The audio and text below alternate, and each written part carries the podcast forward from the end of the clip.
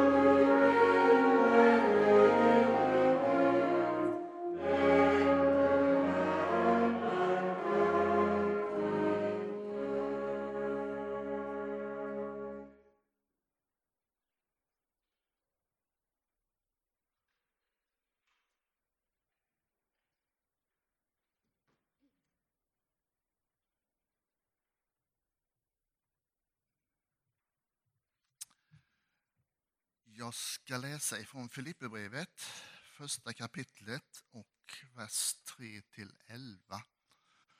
Och jag väljer att läsa utav eh, 81 års översättning.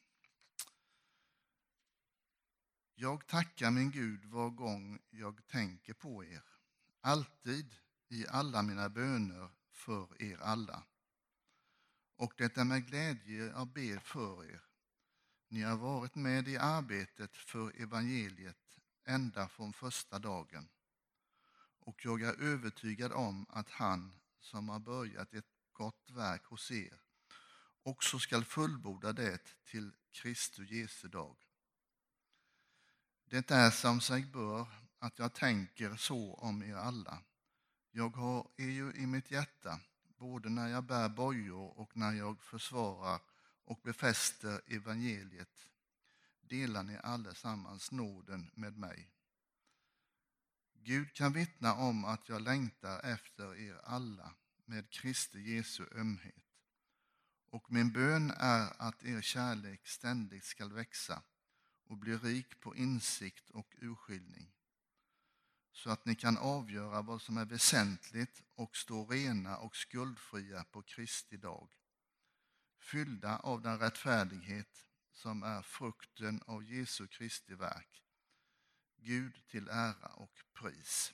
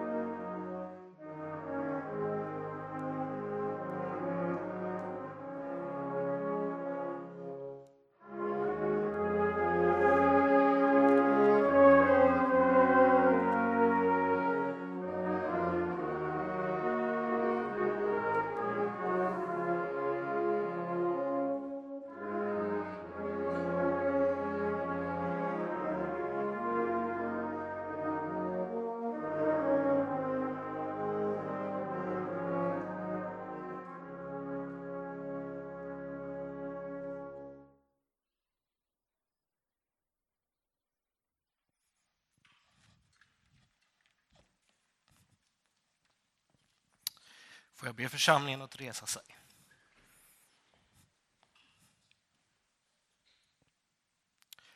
På eh, vårt nattvardsbord idag så brinner ett extra ljus. Och Det är för att en av församlingens medlemmar har fått bryta upp från det här livet för att vara med Gud. Irene Karlsson hon föddes den 2 november 1933 i Breafall i Lommaryds socken. Hon avled i sitt hem den 10 januari 2022. Hon hade då hunnit bli 88 år. Irene Karlsson lät döpa sig 1990 1990 och blev en del av Tabergs missionsförsamling den 8 november 1998. Och hon fick ju möjligheten att leva ett långt liv. Så vi tackar Gud för Irene Karlsson. Och vi tackar för den kärlek som hon har fått ta emot och fått ge till andra. Vi tackar Gud för allt vad vi har fått av Gud genom henne. Och vi innesluter hennes syster, syskonbarn och övriga släktingar och vänner i våra böner. Och när vi nu tackar Gud för Irene så kan vi stämma in i apostelns ord. Om vi lever, lever vi för Herren. Och om vi dör, så dör vi för Herren. Vare sig vi lever eller dör, så tillhör vi alltså Herren. Vi ber. Gud, vi tackar dig för livets gåva och våra dagar här på jorden. Tack för nåden och kärleken som följer oss från livets början till dess slut. Hjälp oss att förtrösta på din omsorg om oss, också inför det som vi inte förstår. Påminn oss om att du är med oss också i döden. Och när nu Irene Karlssons liv är slut så ber vi, låt ditt ljus lysa över oss. Ge oss mod, ge oss hopp. Välsigna och bär Irenes syster, syskonbarn och de övriga släktingarna och vännerna i sorgen. Men vi tackar dig Gud för gemenskapen och vänskapen med Irene och överlämnar nu henne i din omvårdnad. Låt Irene vila i din glädje och hjälp oss att vara beredda för vårt eget uppbrott från det här livet. Amen. Begravningsgudstjänsten hålls här i Missionskyrkan den 4 februari klockan 12. Och det är anmälan till begravningen och det kan man göra på en lista här ute eller till Rolf Gabrielsson. Varsågoda och sitt. Låt oss nu tillsammans sjunga salmen 172. Det skall gå till den heliga staden.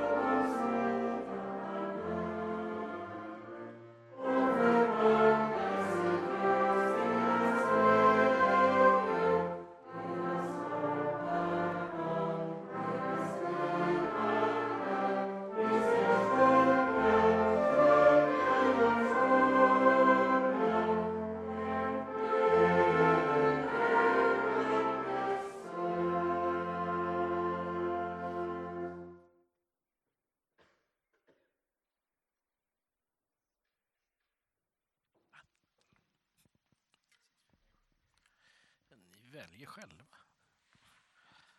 Jag sa till dem, de kan få ju välja om de vill titta mig, mig i baken eller om de vill titta mig i ansiktet. Det är deras eget val. Så att, eh, så. Men det är trevligt att se er i ansiktet.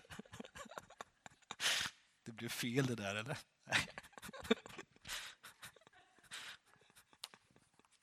Lite roligt får man väl ha. Jag säger så, det är roligt att se er. Det är sådär när man har varit sjuk så känner man sig liksom varit lite bortkopplad sådär. Men nu, nu känner jag mig lite mer påkopplad så. Eh, jag har sett fram emot eh, en del söndagar här och det är ju för att jag vill börja med att undervisa ifrån Filipperbrevet. Och eh, ni som har kollat in mejlen som jag skickat till er som har mejl i, som jag har rätt mejl till i kyrkan så har ni sett att jag har skickat ut om att eh, jag ska börja undervisa om Filipperbrevet och att jag på vår Youtube-kanal har skickat ut en, eh, en start på detta med en introduktion i Filipperbrevet. Och eh, som en liten teaser kan jag säga då att det kommer en, ett bibelstudium över Filipperbrevet kapitel 1 klockan 12.00 idag på Youtube-kanalen. Så att eh, det här är lite av en colors of, så att säga, när man gör en predikan av Filipperbrevet 1. Men vi ber tillsammans.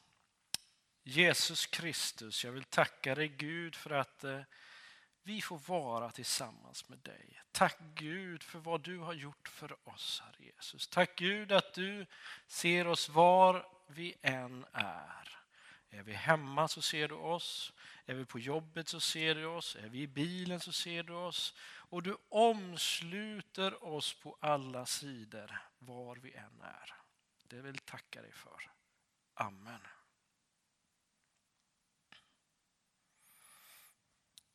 Paulus och eh, Filipperna hade en ganska god relation. Det var ju så att Paulus kom till Filippi i nuvarande Grekland i början av 50-talet efter Kristus. Och I Apostlagärningarna kapitel 16 så kan vi läsa om Paulus och Silas besök i staden när de var där första gången. Det var inte så enkelt. Där fanns ingen riktig synagoga som Paulus kunde komma till, vilket han brukar göra när han kommer till en ny stad. Han kollar in där, han försöker undervisa där, ja, sen brukar han bli utkastad därifrån för att han pratar om att ja, det finns ju en väg till Gud, det är genom Jesus Kristus som är Messias. Och det brukar de inte tycka om i synagogan, så då brukar han bli utkastad. Men det hann han inte bli eftersom det inte fanns någon, utan han kom till ja, de heliga som träffades vid, vid stranden, vid vattnet. Där kom han. Men det blev ju så där att det, det ble, blev inte bättre än att eh, de som styrde i staden ansåg att han störde ordningen utifrån vad han hade gjort. När han hade befriat en, en liten flicka för, från en spådomsande, då blev de sura, kastade honom i fängelset och Silas. Så att starten av församlingen i Filippe var ju inte enkel. Men det blev en församling där. Och tio år senare så skriver Paulus det här brevet ifrån sin egen fångenskap i Rom. Och så här skriver Paulus, och Timoteus står det ju då så att säga, men det är Paulus egentligen som är den största eh, som skriver mest. Så här skriver han i början. Från Paulus och Timoteus, Kristi Jesus tjänare, till alla de heliga i Kristus Jesus som bor i Filippi. Särskilt församlingsledarna och medhjälparna. Nåd och frid från Gud, vår Fader och Herren Jesus Kristus. Att undervisa om Filipperbrevet, det, det anser jag det är en sak. så att säga. men det här säger brevet och så här. Men att försöka se vad säger Filipperbrevet till oss idag? Det är, ju, det är nästa steg, att kunna konvertera det som sades för 2000 år sedan och se vad har bäring för oss idag? Och jag gör ett försök.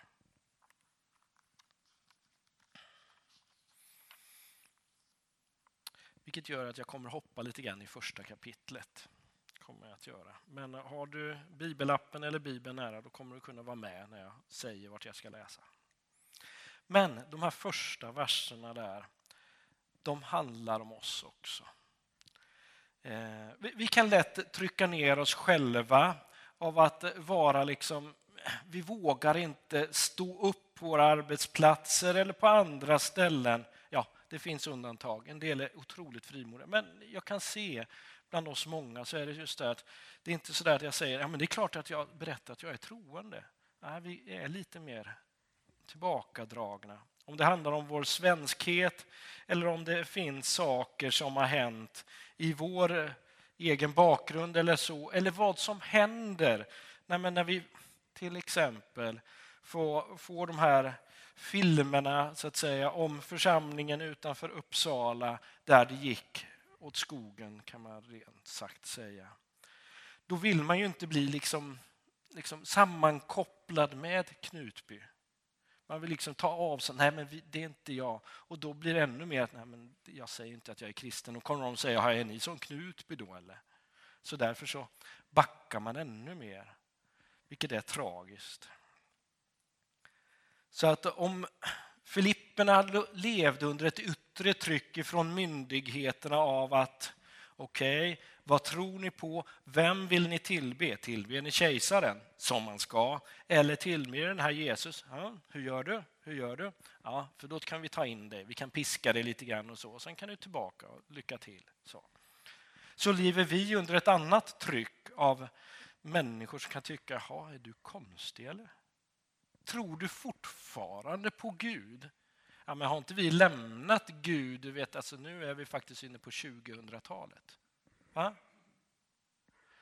Ja, ja, dessa människor som håller fast vid det gamla kan vi få höra. Men då är Paulus ord till Filipperna ord till oss också. Paulus han börjar med att hälsa Filipperna och han hälsar oss också med en hedersbetygelse. Han säger så här eh, att eh, från Paulus och Timoteus, Kristi Jesu tjänare, till alla de heliga i Kristus Jesus som bor i Filippi. Ja, då vill jag lägga till, till alla de heliga som bor i Taberg, Monsa, ja, i dalen. Vad menas med alla de heliga? Ja, det här är en vanlig referens till Guds utvalda folk, Israel, som Gud utvalt vara ett heligt, utvalt, avskilt folk ifrån de andra. Ni är mina älskade, sa Gud till Israels folk. Och samma sak säger Gud till oss idag. Och det är på grund av, eller tack vare Jesus Kristus. Hans offer på korset, alltså genom Guds nåd, så är Filipperna och vi, alla som tror på Jesus Kristus som vår Herre och Frälsare, att vi är Guds utvalda heliga i Jesus Kristus. Så jag skulle vilja säga till dig som sitter här just nu, sträck på dig. Var stolt över att du tillhör Jesus Kristus. Du är Guds utvalda. Du är Guds helige. Glöm inte det när allting annat flimrar förbi i olika sociala medier eller när du känner att ja, nu är de på de kristna igen. Nej, men jag är faktiskt utvald av Gud. Jag är Guds helige. Stå upp och var fast i det. För Gud älskar dig. Nästa del som jag skulle vilja ta, ta med oss det var det som Mats läste om som började i vers 3 och framåt. Där Paulus istället för att börja rada upp allting som han skulle kunna be för när det gäller församlingen eller sitt eget så börjar han med att tacka Gud. Och han säger att han tackar Gud varje gång han tänker på församlingen. Och varje gång han ber för dem i sina böner för dem så tackar han Gud och han gör det med stor glädje. För de har varit med i evangeliet ända från början. Alltså det är så fantastiskt. Och jag tänker för våran del, att be i tacksamhet, vad innebär det? Innebär det då att nej men det är faktiskt jobbigt att jag liksom är inte sann mot mig själv? Jo, men jag skulle vilja att du tänker dig som bön. Som, eh, det är ganska mycket.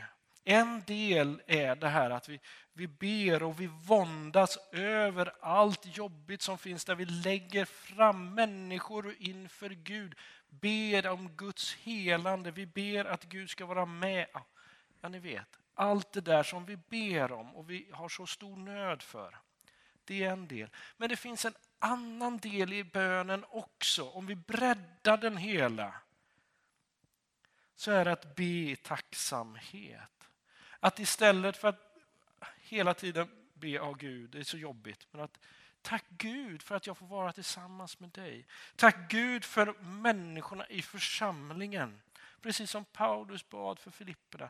Tack Gud för att ni har varit med i arbetet här i dalen från den tid när ni har kunnat göra detta. Det är fantastiskt. Tack Gud för den som sitter bredvid mig. Tack Gud för musikkåren, för vad de kan spela och ge ut av musik till Guds ära. Tacka för det. Tacka för de saker som du kan se. Använd, använd i tacksamhet. För vad händer när vi ber i tacksamhet? Vad händer med dig själv? Tänk dig så här att du, du bara ska, nu ska jag bara tacka Gud för olika saker. Det händer någonting i kroppen. Du fylls av en glädje över det du tackar för. Och det är gott. Det är gott och det behöver vi göra mer. Den tredje saken som jag vill nämna om, det kommer senare i kapitlet och jag ska läsa den delen. Så vi har Filipperbrevet kapitel 1, vers 18 till 26. Där står det så här. Men också i fortsättningen skall jag kunna glädja mig. Jag vet ju att allt detta kommer att leda till min räddning tack vare era böner och den hjälp som Jesu Kristi ande ger. Jag väntar och hoppas att jag aldrig ska stå där med skam utan att nu som alltid öppet skall våga lovprisa Kristus med min kropp. Vare sig den ska leva eller dö. Ty för mig är livet Kristus och döden en vinning. Såvida inte ett fortsatt liv här på jorden ger mig en vinst genom mitt arbete, för då vet jag inte vad jag ska välja. Jag slits åt båda hållen. Jag längtar efter att bryta upp och vara hos Kristus. Det vore ju det allra bästa. Men för er skull är det viktigt att jag lever kvar här. Det är jag övertygad om. Och jag vet att jag kommer att bli kvar och stanna hos er alla för att hjälpa er till framsteg och glädje i tron. Och genom mig, genom att jag kommer till er igen, ska ni bli allt stoltare över att tillhöra Kristus Jesus. Jag tycker det är så spännande att de här orden i som Jesus, eller som Paulus uttalar här liksom i glädje om sin räddning och så, att, det gör, att han säger detta när han sitter som fånge i Rom. Paulus vet ju egentligen inte vad, vad hans fortsättning kommer att bli. Det kan ju bli att han blir räddad. Det kan bli att han blir dömd till piskrapp och sådana saker som han varit med om innan. Det kan till och med bli så att han blir dömd till döden. Han vet inte det, men han skriver så här ändå. Och då kan man ju ställa sig frågan um, hur kan han se framåt med glädje? Är det så här att Paulus egentligen är som de här, ja ni vet de här självmordsbombarna som vi lite föraktfullt pratar om. Är det så att Paulus egentligen är som dem och slänger sig, ut sig, slänger sig med orden så här. För mig är livet Kristus och döden en vinning. Yes, nu kör jag. Och sen, eller? Jag tror så här att om vi läser de här orden på det sättet så har vi missförstått Paulus. Paulus vill i det här stycket tydligare demonstrera det man skulle kunna kalla ett Kristuslikt tänkande. Vilket han för Filippernas skull Eh, applicerar på sitt eget liv där han är just nu. Paulus hoppas på Gud eh, för han vet att Gud har fullbordat sitt verk i Jesus Kristus. Och han tänker så att oberoende över eller vad imperiet Rom bestämmer sig för gällande hans liv så kan han glädja sig över att evangeliet blir förkunnat och sprids det är han glad över. Han kan vara tillsammans med Gud i fängelset och utanför fängelset. Ja, för han spelar det ingen roll på det viset. Men vi får följa Paulus in i hans resonemang. Och man skulle kunna dela upp det här lite grann. Om han är självisk, om han enbart tänker på sig själv, då tänker han så här. Ja, alltså det allra enklaste skulle ju vara om jag fick den där dödsdomen faktiskt för då kommer jag kunna få vara tillsammans med Jesus hela tiden. Oh, vad härligt det skulle kunna vara att vara tillsammans med Jesus, lovsjunga tillsammans med honom och med, vara där i himlen. Och så fantastiskt! Men det är om man tänker själviskt. Men Paulus visar att ja, man kanske som kristen inte ska bara tänka på sig själv i sina beslut. Man kanske ska tänka på hur ser det ut bland de vännen, vännerna, människorna som finns i min närhet. Vad är bättre för dem? Vad är det Gud vill? Ett Kristuslikt sätt att ta beslut är att tänka bortom sitt ego. Vad blir bättre för er och inte bara för mig? är vad Paulus vill eh, förmedla. Och då är det ju bättre att han blir frikänd och inte blir dödad. För som man säger, för eran skull så är det bättre, för då kan jag hjälpa er ännu mer. Ja, som man säger, ja, och ifall jag kommer till er igen så blir det ju mycket mycket bättre för er och för mig. Och då kan vi vara ännu mer stolta över att tillhöra Jesus Kristus tillsammans. Och Det här är egentligen tvärtom vad en självmordsbombare tänker. För en självmordsbombare är egentligen otroligt självisk.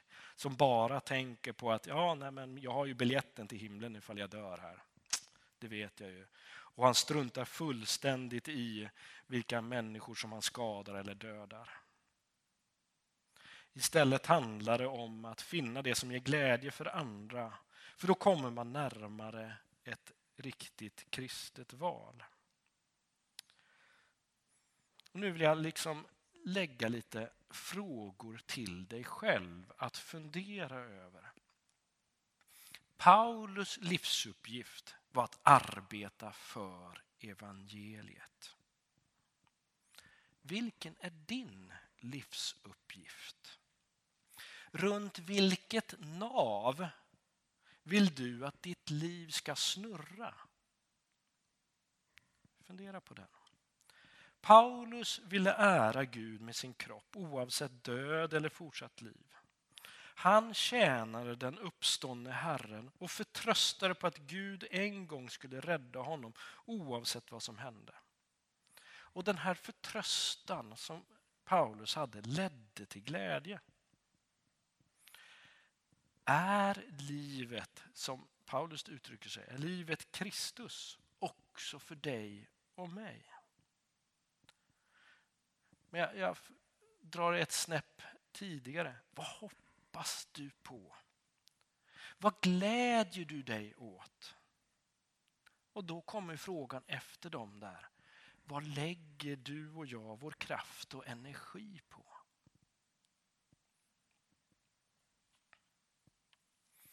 Den som vill efterlikna Paulus i hans överlåtelse till Jesus behöver lära sig tala om och därmed se sitt liv i ljuset av evangeliet. Paulus sätt att förstå livet utifrån Guds verk fick avgörande konsekvenser för hans känslor och för hur han såg på sin livsuppgift och därmed för hur han handlade. Hur vill du handla utifrån det du vill ha i ditt nav? Den frågan ställer jag till dig. Nu ber vi. Jesus Kristus, jag vill tacka dig för att Paulus pekar på dig hela tiden. Runt i navet så vill han leva, Herre. Gud, du ser oss där vi är, Herre Jesus. Jag vill tacka dig, Gud, för att du har frälst oss var och en.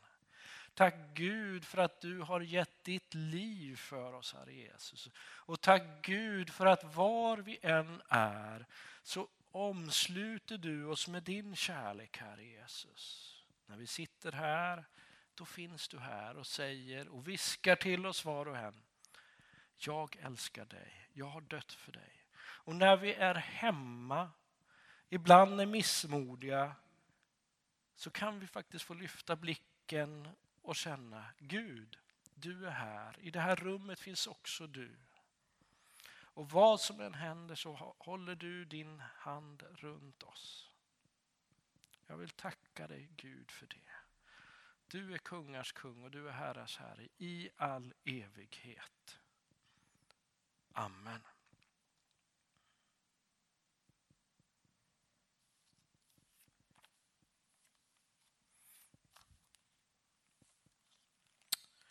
Nu ska vi sjunga tillsammans. Vad hette salmen? Det? Nu ska vi se här. Eh, psalm 87b. Våga vara den du i Kristus är.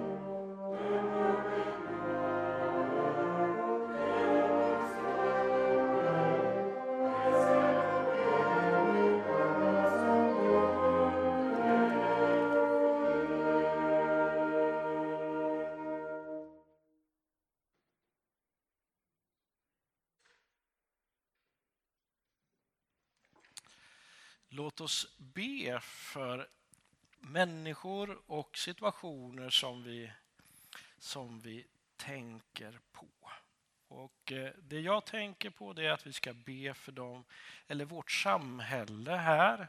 Det är ju så att det är ganska hög smittspridning av covid på skolorna och och, och runt omkring. Det drabbar oss rent personligt, det drabbar olika företag och drabbar skolor och annat. Vi ska be för det.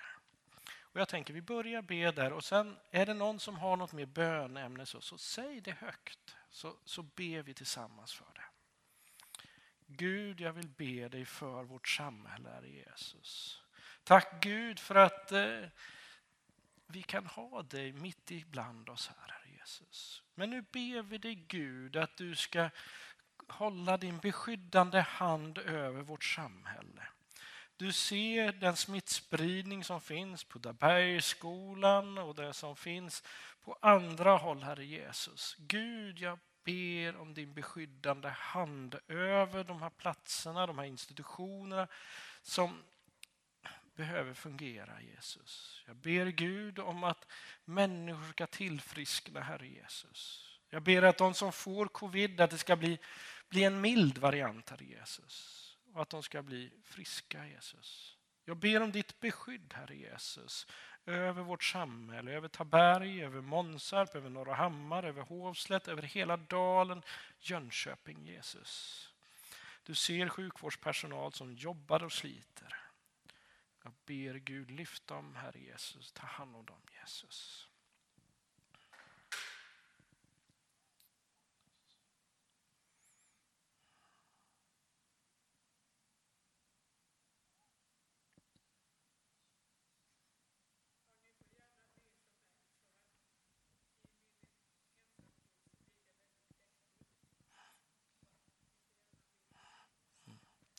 Vi ska be för Kerstin oxaren som sitter i sin rullstol där framme.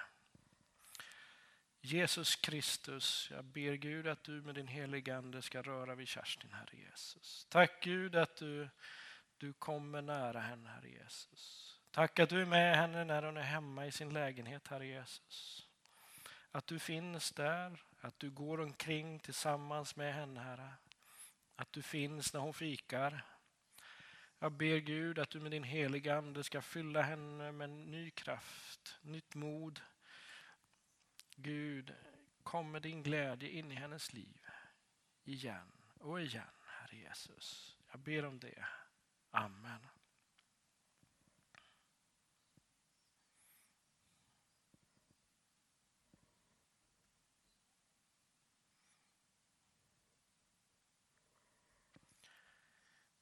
Ett sista böneämne innan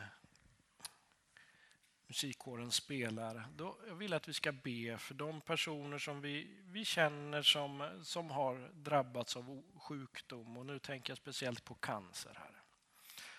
Att vi ber för dem. Ber att eh, själva behandlingarna ska fungera. Vi ber att eh,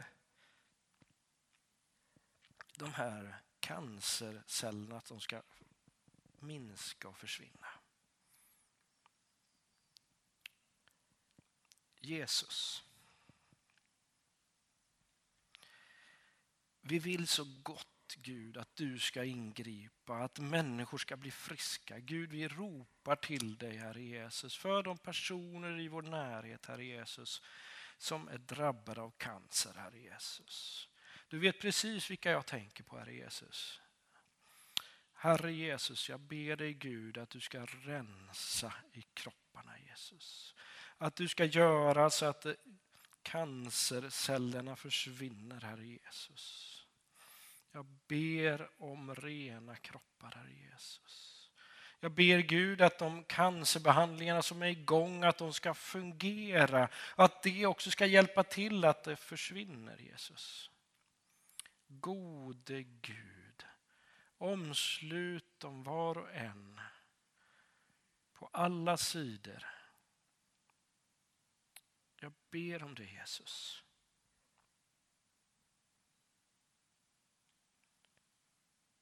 Amen.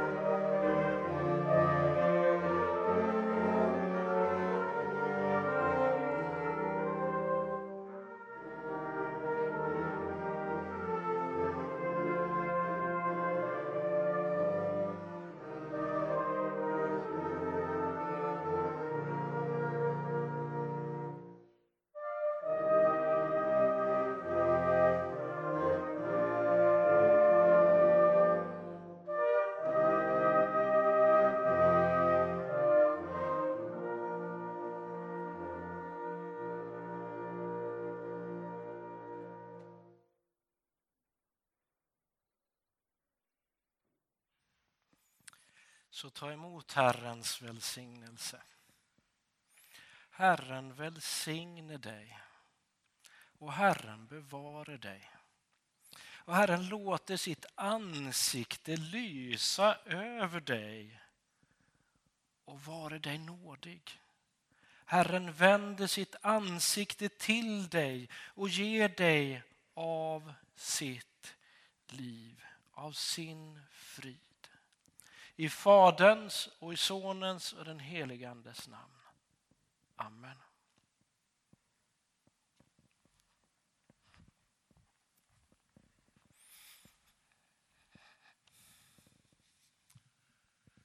Det är gott att få fira gudstjänst tillsammans även i dessa tider. Eh, och vi har beslutat att det ska vara gudstjänst framöver. Det gäller bara att vi håller avstånd.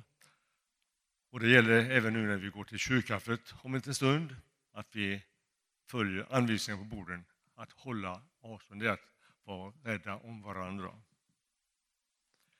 Jag tror att det är sopplunch på tisdag, stämmer det? I övrigt hänvisar vi till det som finns i missionsbladet. Och den är sett på skärmen här innan. Linda ville säga någonting från valberedningen. Varsågod.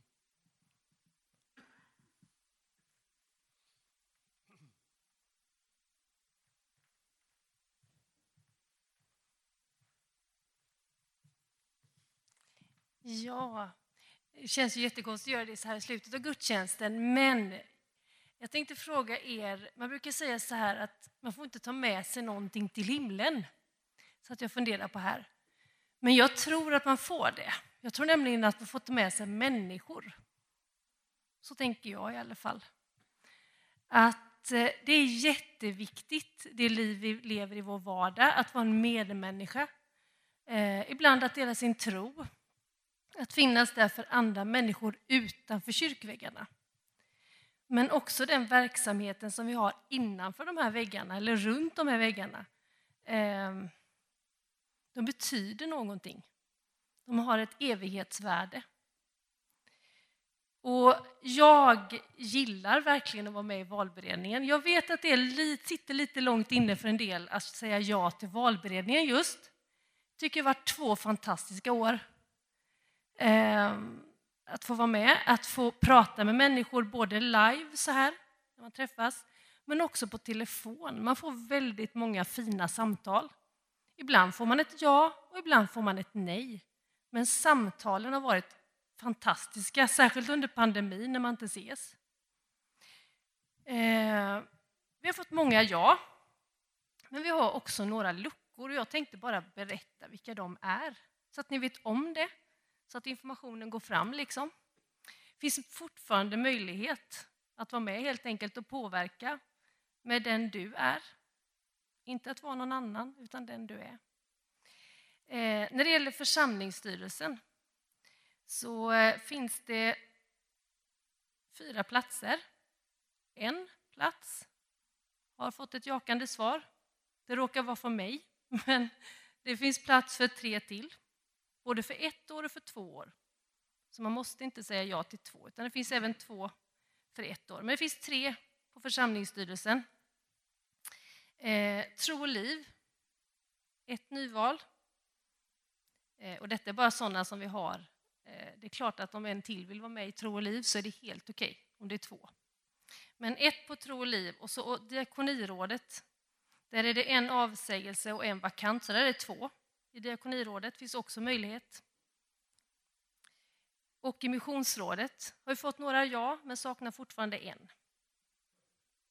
Som sagt var, vi har fått många ja. Sopplunchen, bokningsansvarig, ljud och bildgruppen. Många ja.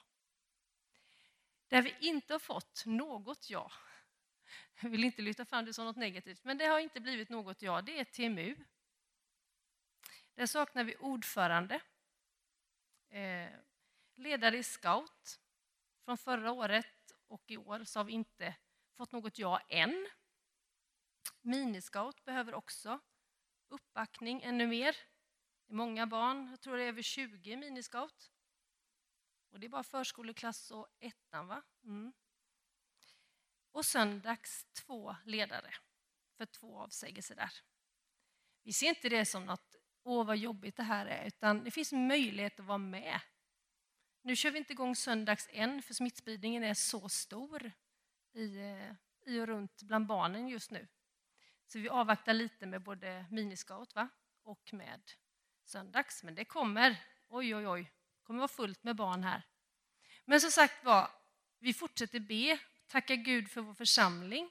Och känner du eller vet någon som känner att ja, det här skulle vara något för mig, med den du är, inte att vara någon annan, så är du välkommen att komma till mig eller till pastor Daniel och säga det. Gud välsigne oss alla.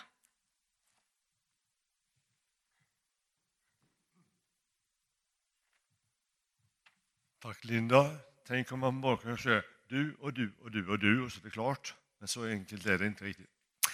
Hörrni, innan vi spelar ett stycke här som avslutning så vill jag berätta att jag var på hembesök häromdagen. Jag var hos Barbro som har flyttat in till Jönköping. Hon är på Junegården.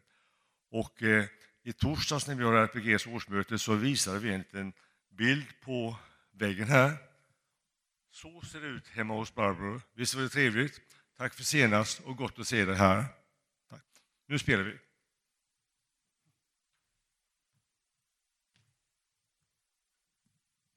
Och då spelar vi Min framtid är i Herrens händer.